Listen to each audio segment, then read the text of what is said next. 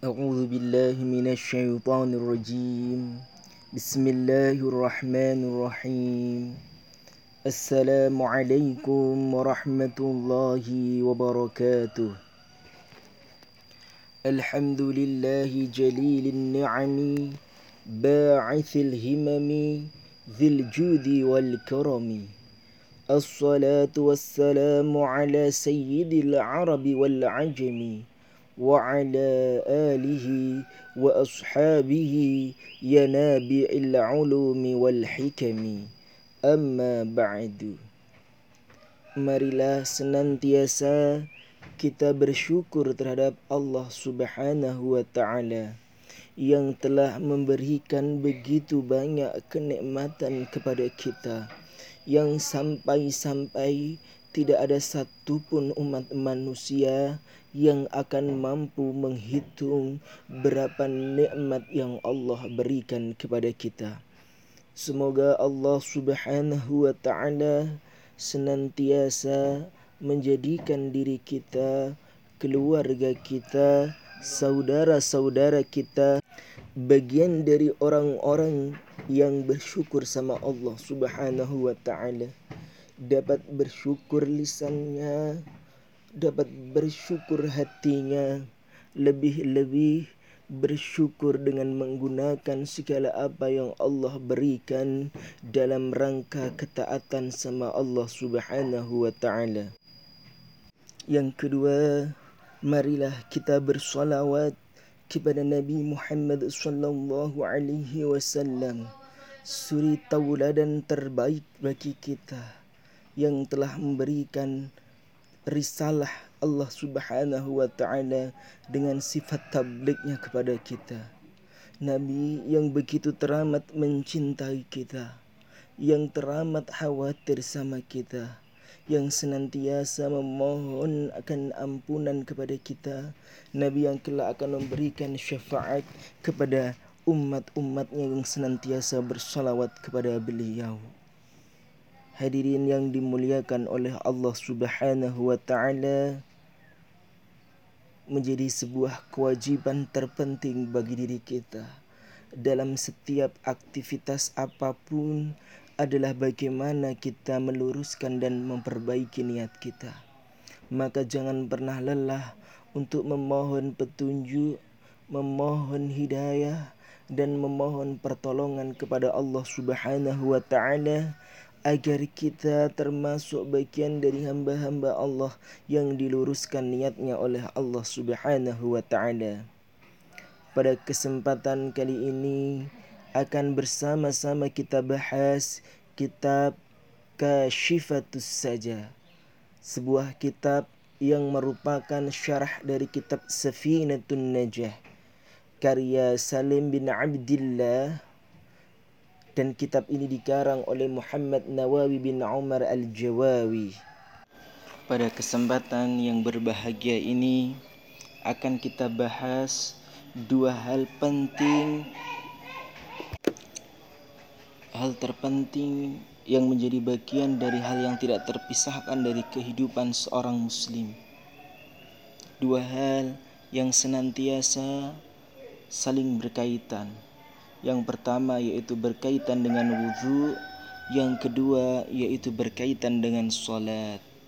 Seperti yang kita ketahui, menjadi salah satu syarat sah dari diterimanya ibadah salat kita adalah bagaimana kesucian tempat kita, kesucian anggota badan kita, dan kesucian pakaian yang kita gunakan ketika kita menjalankan ibadah salat. Maka dari itu akan kita bahas untuk yang pertama kali adalah bagaimana kita bersuci dari hadas. Entah itu bersuci dari hadas kecil maupun itu bersuci pada hadas besar. Namun pada kesempatan kali ini adalah akan kita bahas bagaimana kita bersuci dari hadas kecil yaitu dengan cara berwudu dan akan kita bahas dalam kitab Kashifatus saja tentang furudul wudu. Faslun fi furudil wudu Bab yang menjelaskan tentang fardu-fardunya wudu. وهو يسمى بالطاهر الرافع والمعتمد أنه مأكول معنى لأن الصلاح مناجة الرب تعالى فتلب التنظيف لأجلها Seperti yang kita ketahui bahwa wudhu itu merupakan sebuah proses bersuci. Kenapa itu menjadi bagian yang penting dan harus dilakukan oleh setiap orang yang hendak melakukan salat? Karena salat itu adalah permunajatan antara seorang hamba dengan Allah dan suci merupakan hal yang perlu untuk dilakukan untuk melakukan sebuah ibadah salat. Wa inna makhtussa ar-ra'su bil satri ghaliban faktufiya fi bi taharah. Adapun yang kemudian dengan wudhu ini akan kita bahas lebih detail tentang rukun-rukun wudhu, furdu wudhu. Furudul wudhu sittatun fardunya wudhu itu ada enam. Ini menurut kitab Kashifatus saja. Saya ulangi lagi, ini menurut kitab Kashifatus saja yang sebagaimana kita tahu bahwa kitab Kashifatus saja ini merupakan sarah dari Safinatun Najah. Menjelaskan bahwa fardunya wudhu itu ada enam. Walau kana al-wudu'u manduban. Sekalipun wudhu itu sangat dianjurkan Ai arkanuhu sittatun. Tetap rukunnya itu ada enam. Wa abbaral musannif bil fardhi huna. Penulis menggunakan kata furudul wudu bukan menggunakan kata rukunnya wudhu sebagaimana kata rukun yang digunakan oleh penulis dalam penyebutan rukun salat li'annahu lamma imtana'a tafriqu af'alis salat kana kahikatin wahidatin murakkabatin kenapa? Karena kata rukun itu untuk menjelaskan sesuatu yang tersusun yang tidak bisa dipisah-pisah seolah-olah menjadi bagian satu kesatuan. Sementara wudhu itu berbeda. Antara anggota wajah berbeda dengan tangan anggota tangan berbeda dengan kaki dan lain sebagainya. Maka penulis dari kitab Safinatun Najah yang kemudian disyarahkan dalam kitab Kashifatus saja ini menjelaskan penggunaan kata furdu furud atau fardu bukan kata rukun. Ada enam. Apa enam tersebut al awalu fardu wudu yang pertama adalah niat menurut kitab kasyifatus saja. Jadi salah satu hal terpenting yang pertama yang perlu dilakukan adalah niat ketika wudu. Hal ini sebagaimana didasarkan terhadap hadisnya Rasulullah sallallahu alaihi wasallam, "Innamal a'malu binniyat wa innama likulli imri'in ma nawa." Sesungguhnya setiap amal itu bergantung dengan niatnya. Jadi, fardu yang pertama itu adalah niat. Kapan niat itu dilakukan?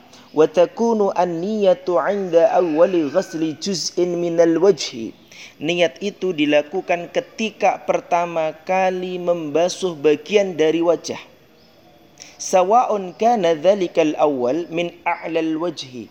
Baik bagian awal yang pertama kali dibasuh itu adalah bagian wajah yang atas, awasati atau ketika bagian tengah, aw asfali atau bagian wajah yang paling bawah Hal yang paling terpenting adalah pertama kali ketika kita membasuh wajah, entah itu atas, entah itu tengah, entah itu yang paling bawah, pada saat kita membasuh yang pertama itu, kita wajib untuk melakukan niat. Wa innama wajah qarnuha. Diwajibkan bebarengan jadi kalau kita misalkan pertama kali membasuh bagian jidat ini bagian atas berarti pada waktu pertama kali itu kita membasuhnya nawaitul wudu ali raf'il hadatsil asghar dan lain sebagainya. Itu pertama kali. Dan ada beberapa fenomena yang keliru. Ingat, fardunya wudhu itu membasuh wajah tetapi satu kali. Maka ada fenomena yang langka dan salah dalam kehidupan masyarakat. Ketika dia wudhu, dia baca nawaitul wudu basuh pertama kali Liraf'il hadasi baso yang kedua. Yang ketiga, dan itu tidak tepat. Mengapa? Karena yang rukun, yang wajib, yang fardu itu adalah yang pertama kali. Sementara yang kedua, yang ketiga atau istilah tasris itu adalah yang sunnah. Maka ketika kita melihat anak-anak kecil kemudian wudhu, nawaitul wudhu berulang-ulang itu adalah sesuatu yang perlu diluruskan. Karena Niat itu berada pertama kali kita membasuh bagian dari wajah. Wa kaifatu kama qala. Ini niat. Bagian-bagian niat. Anda yanwi ahad thalathati umur. Ketika seseorang itu berniat untuk wudhu Maka harus ada tiga hal ini yang ada dalam niatnya. Yang pertama Ayanwi raf'al hadas Dia berniat untuk mengangkat hadas hadas kecil tentunya. Awit taharati anil hadas atau dia toharoh atau bersuci dari hadas atau awit taharati lis salah atau dia bersuci untuk melakukan sholat. Ini bagian tiga bagian terpenting dalam niat. Yang pertama dia niat untuk mengangkat hadas, atau dia niat bersuci dari hadas, atau dia niat bersuci untuk melakukan sholat. Jadi boleh memilih salah satu niat untuk mengangkat hadas atau niat bersuci dari hadas atau niat bersuci untuk melakukan sholat atau ibadah-ibadah yang lain. Wathani, bagian kedua dari niat ayyanwiya istibahat as-salah au ghairiha mimma la yubahu illa bit Hendaknya orang yang niat itu berniat untuk diperbolehkannya sholat atau diperbolehkannya amal ibadah yang lain yang manakala amal ibadah itu dilakukan tidak boleh tidak kecuali dalam kondisi bersuci. Jadi ini hal kedua yang ada dalam niat. Kalau yang pertama tadi adalah niat untuk mengangkat hadas, bersuci dari hadas atau bersuci untuk melakukan sholat. Yang kedua diperbolehkannya untuk melakukan ibadah entah itu salat atau yang lainnya. Yang ketiga ayyan ya fardal wudu. Berniat untuk fardunya wudu, au ada al wudu melaksanakan wudu, awil wudu atau niat itu sendiri. Jadi harus ada kesengajaan untuk melakukan wudhu. Ini adalah tiga hal bagian penting yang kemudian harus ada dalam wudhu kita. Pertama adalah kita niat untuk mengangkat hadas atau kita bersuci dari hadas atau bersuci untuk melakukan salat. Yang kedua kita harus yang namanya melakukan toharoh dalam rangka apa tadi perbolehkannya ibadah salat dan ibadah-ibadah yang lain yang tidak diterima kecuali dalam kondisi suci yang ketiga adalah menyengaja untuk melakukan wudhu. Mengapa perlu dibagi menjadi tiga hal ini? Wa ingkanan nawi sobiyan au mujaddidan. Karena akan berbeda wudhunya orang satu dengan yang lain. Di sini e, diberikan sebagai contoh. Ketika yang melakukan wudhu itu adalah anak-anak. Atau yang melakukan wudhu itu adalah mujaddid. Orang yang masih dalam kondisi suci tapi ingin memperbaiki wudhunya. Ini berbeda dengan orang-orang kasahibu dzarurati kasalisil bauli. Seperti orang yang kencing itu berbeda. Kenapa? Fala takfihi niyatu raf'il hadathi awit taharati anhu.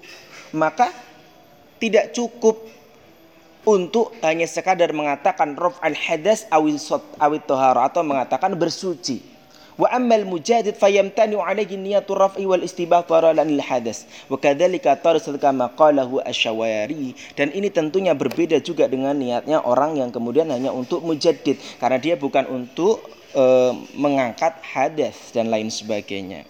Itu adalah yang pertama, niat. Ada tiga bagian yang tadi harus kita pahami. Yang pertama adalah mengangkat hadas, toharoh dari hadas, toharoh untuk salat diperbolehkannya salat atau ibadah yang lain menyengaja untuk menjalankan wudhu itu rukun atau fardu yang pertama.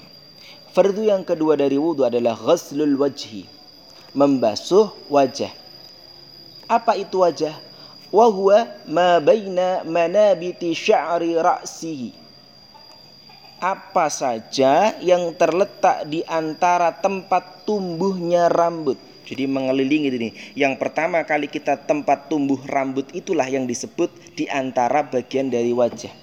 Hatta muntaha lahyaihi wa ma baina udhunaihi. Kemudian segala apa berujung di mana?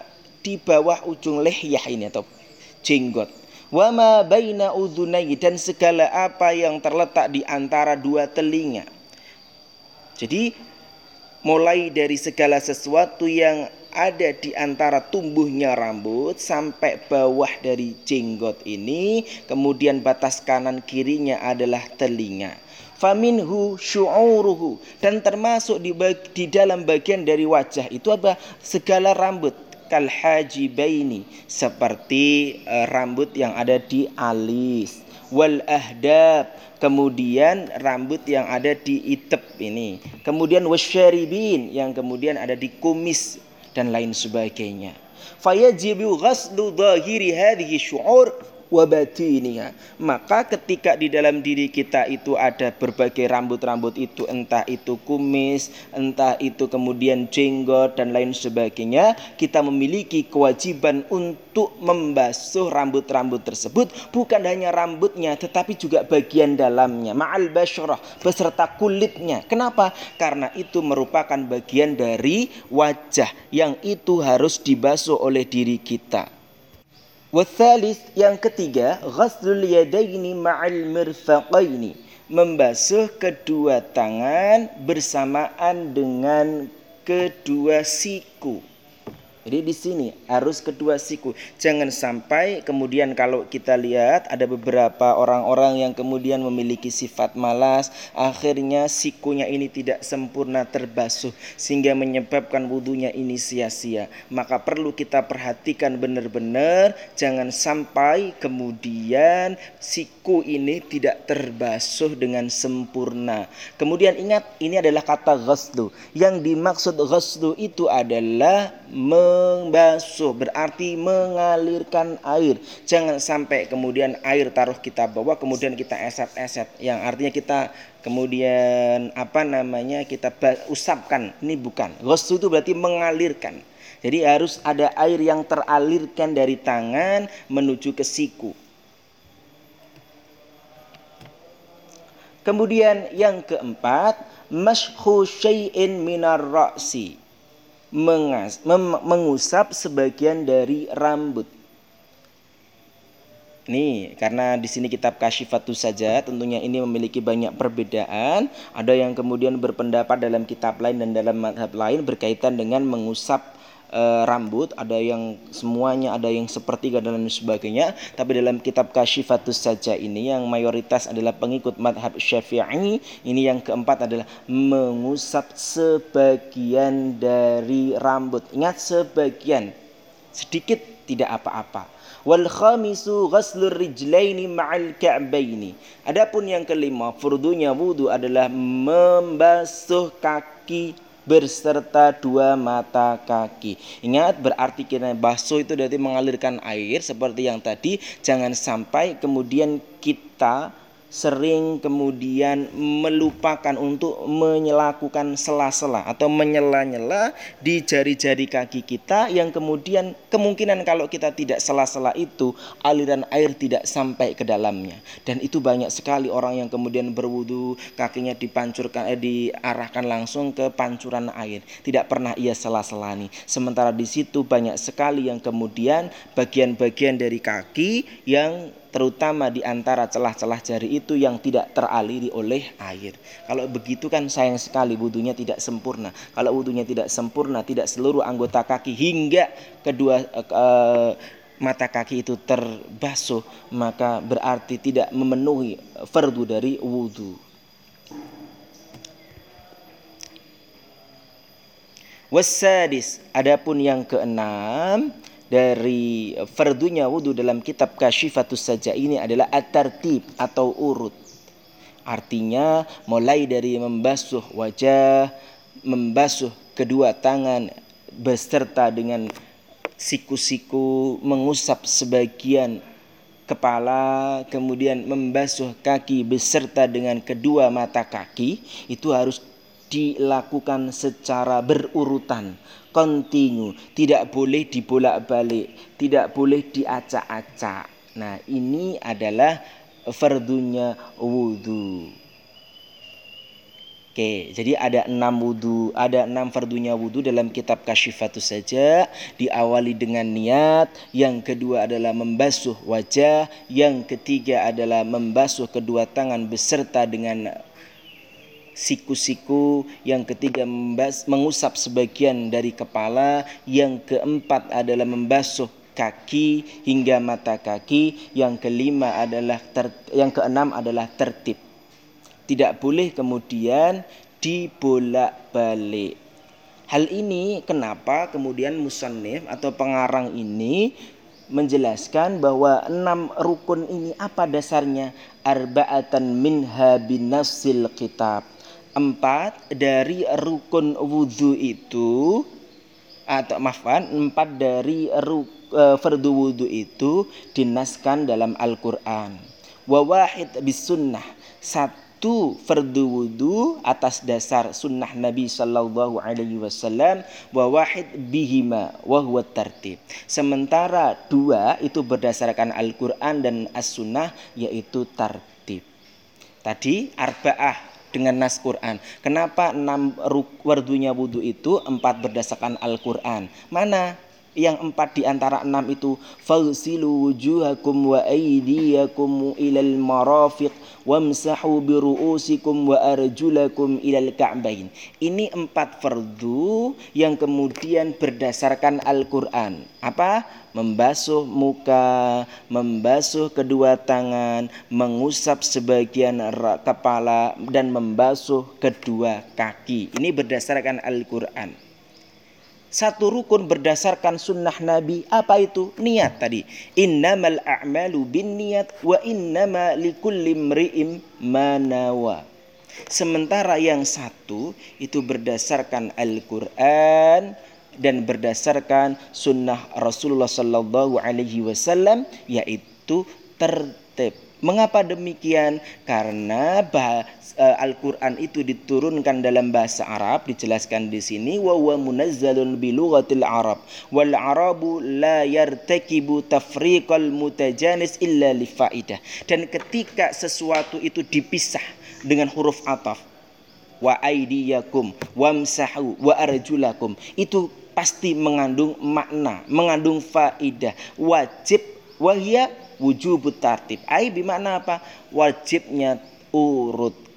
Nah, ini yang kemudian menjadikan sebab penulis dari kitab ini mengatakan bahwa rukunnya wudhu itu eh, fardunya wudhu itu ada enam. Di antaranya adalah eh, tadi yang namanya tertib. An-niyatu, niat itu apa toh? Kasdu syai'in muqtarinan bi menyengaja melakukan sesuatu bersamaan dengan pertama kali aktivitas itu dilakukan. Maka ini baru disebut dengan wudhu harus bebarengan. Tidak kemudian melakukan baru niatnya di akhir tidak jadi harus bebarengan. Pada waktu pertama kali kita membasuh wajah tadi berarti pada waktu itu pula kita melakukan niat. Wa mahalluhal qalbu dan tempatnya itu berada di hati kita wa talaffudu biha melafatkan niat sunnatun masuk kategori sunnah dalam kitab kasyifatus saja. Tentunya ini berbeda. Ingat yang saya baca adalah kitab kasyifatus saja dan beliau mengatakan dalam kitab syarah safinatun najah niat itu adalah menyengaja ke sesuatu bersamaan dengan aktivitasnya tempatnya hati melafalkan itu hukumnya sunnah Wa amma sunanul wudu'i fakasiratun. Kalau tadi fardunya wudhu, sekarang sunnah-sunnahnya wudhu. Apa yang disunnahkan ketika wudhu? Ada banyak sekali. Yang pertama at-tasmiyatu. Membaca basmalah ketika pertama kali kita hendak wudhu. Wasiwaku, bersiwak sebelum kita melakukan wudhu juga merupakan hal yang disunnahkan dalam wudhu. Wa ghaslul yadaini qabla idkhalihima fil ina' memasukkan kedua tangan sebelum memasukkannya ke dalam wadah. Dalam hal ini ketika wudhunya itu berada di dalam sebuah kulah. Berarti kita membasuh kedua tangan dulu sebelum kita masukkan kedua tangan ini ke dalam kulah itu merupakan sesuatu yang disunnahkan dalam wudhu atau kalau kita tidak pakai kola berarti pakai pancuran ya sama membasuh kedua tangan kita wal Kemudian berkumbur ini juga menjadi bagian yang disunnahkan dalam wudhu. Wal istinsyaqu. Apa itu istinsyak? nyedot air dalam hidung. Nah, itu istinsyak. Wa mashu jami'ar ra'si mengusap seluruh bagian kepala ini menjadi sesuatu yang disunnahkan dalam kitab Kashifatus saja secara dari sifat Safinatun Najah. Hal ini berbeda dengan madhab yang lain. Ada yang membasuh seluruh anggota kepala itu wajib. Tetapi dalam kitab Kashifatus saja itu adalah sunnah. Wa mashu jami'il udhunaini. Mengusap seluruh anggota kedua telinga ini juga merupakan bagian dari sunnah.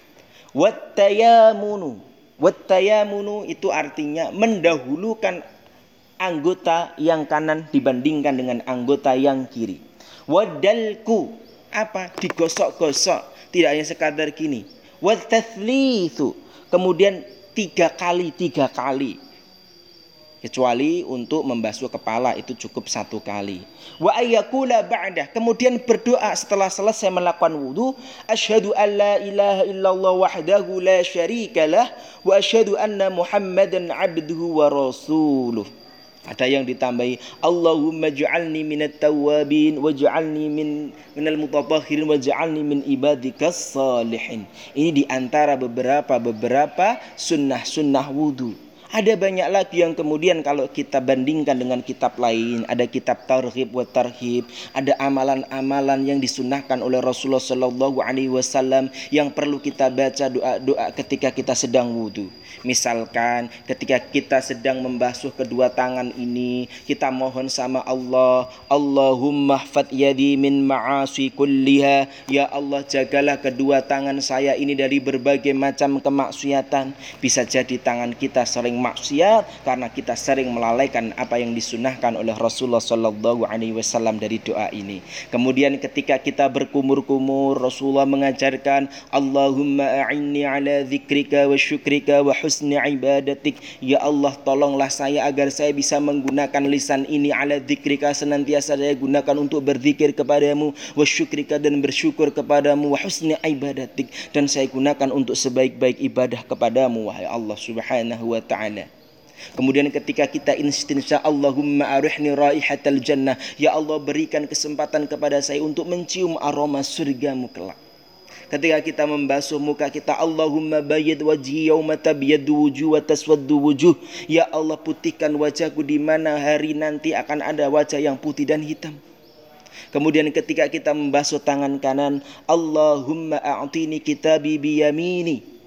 Ya Allah berikan buku catatan aku dari tangan kanan. Ketika kita membasuh tangan kiri Allahumma la tu'atini kitabi bishimali wala min wara'id dahri ya Allah jangan engkau berikan buku catatan amalku dari tangan kiri dan dari belakang. Ketika kita membasuh mengusap kepala kita kita mengatakan Allahumma harim sya'ri wa basyari 'alan nar.